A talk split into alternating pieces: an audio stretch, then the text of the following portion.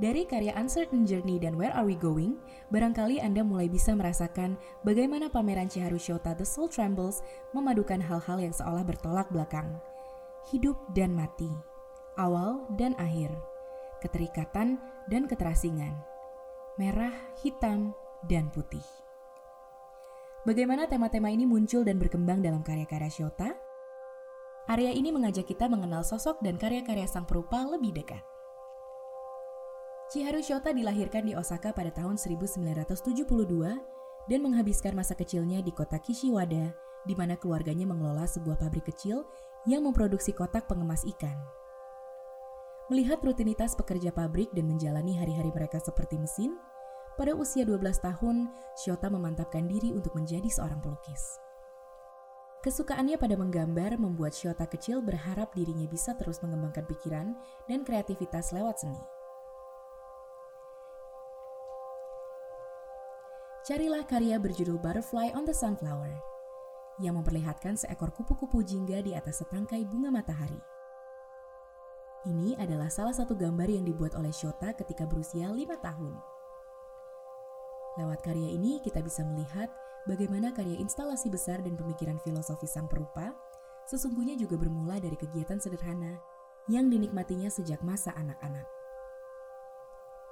Beranjak dewasa selama empat tahun dari 1992 hingga 1996, Shota mempelajari teknik melukis dengan cat minyak di Kyoto Seika University, sebari bekerja sebagai asisten bagi pematung Muraoka Saburo yang saat itu menjadi dosen di Departemen Seni Patung. Ia juga sempat mengikuti program pertukaran pelajar yang membawanya menempuh pendidikan di Australian National University School of Art. Masa-masa kuliah membuat Shota mempertanyakan ulang cita-citanya sebagai pelukis. Pada tahun pertama, ia mulai merasa frustasi dengan seni lukis, terutama pada proses penciptaan lukisan-lukisan abstrak dan bagaimana kemampuan teknik seolah dianggap lebih penting daripada isi dari karya lukisan itu. Karya Untitled, sebuah lukisan abstrak yang dibuat pada tahun 1992, menjadi lukisan minyak terakhir yang pernah ia ciptakan. Shiota memutuskan untuk meninggalkan lukisan cat minyak ketika melukis semakin membuatnya merasa hampa dan tak ada lagi kepuasan yang bisa ia dapatkan dari membuat lukisan. Semasa di Australia, ia kemudian mendapatkan sebuah pencerahan. Shiota mengenang momen itu sebagai berikut. Aku bermimpi bahwa aku telah menjadi sebuah lukisan. Aku mendapati diriku berpikir, bagaimanakah aku harus bergerak di atas permukaan gambar ini agar karya ini menjadi lukisan yang baik. Sepenuhnya tertutup di bawah seluruh cat minyak ini. Aku merasa sulit untuk bernapas.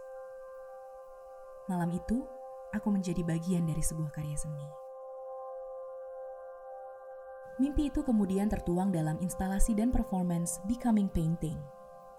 Dalam foto-foto ini, Anda bisa melihat sosok Shota yang bermandikan cat enamel merah dan membalut dirinya dengan kanvas. Bagi Shota, karya ini merupakan titik awal kebebasannya dari belenggu seni lukis. Ia merasa Becoming Painting adalah sebuah titik balik di mana seni bukan lagi sebuah karya halus yang dipoles, melainkan menjadi tindakan ekspresi tubuh, tempatnya menenggelamkan diri sepenuhnya. Sekembalinya di Jepang, Shota menciptakan From DNA to DNA, karya performance dan instalasi pertama yang menggunakan jalinan benang merah. Untuk pertama kalinya juga, Shota mencari material instalasi seorang diri dan merasakan adanya kesempatan yang terbuka lebar di ruang non dua dimensi. Dalam foto ini, Anda bisa melihat sosok Shota terbaring di atas bantal-bantal kecil yang melambangkan sel darah merah. Tubuh Shota terjerat dengan benang-benang yang terhimpun di langit-langit ruangan, menyerupai jalinan tali pusar. Ia menilai bahwa dirinya lahir dan muncul dari karya ini.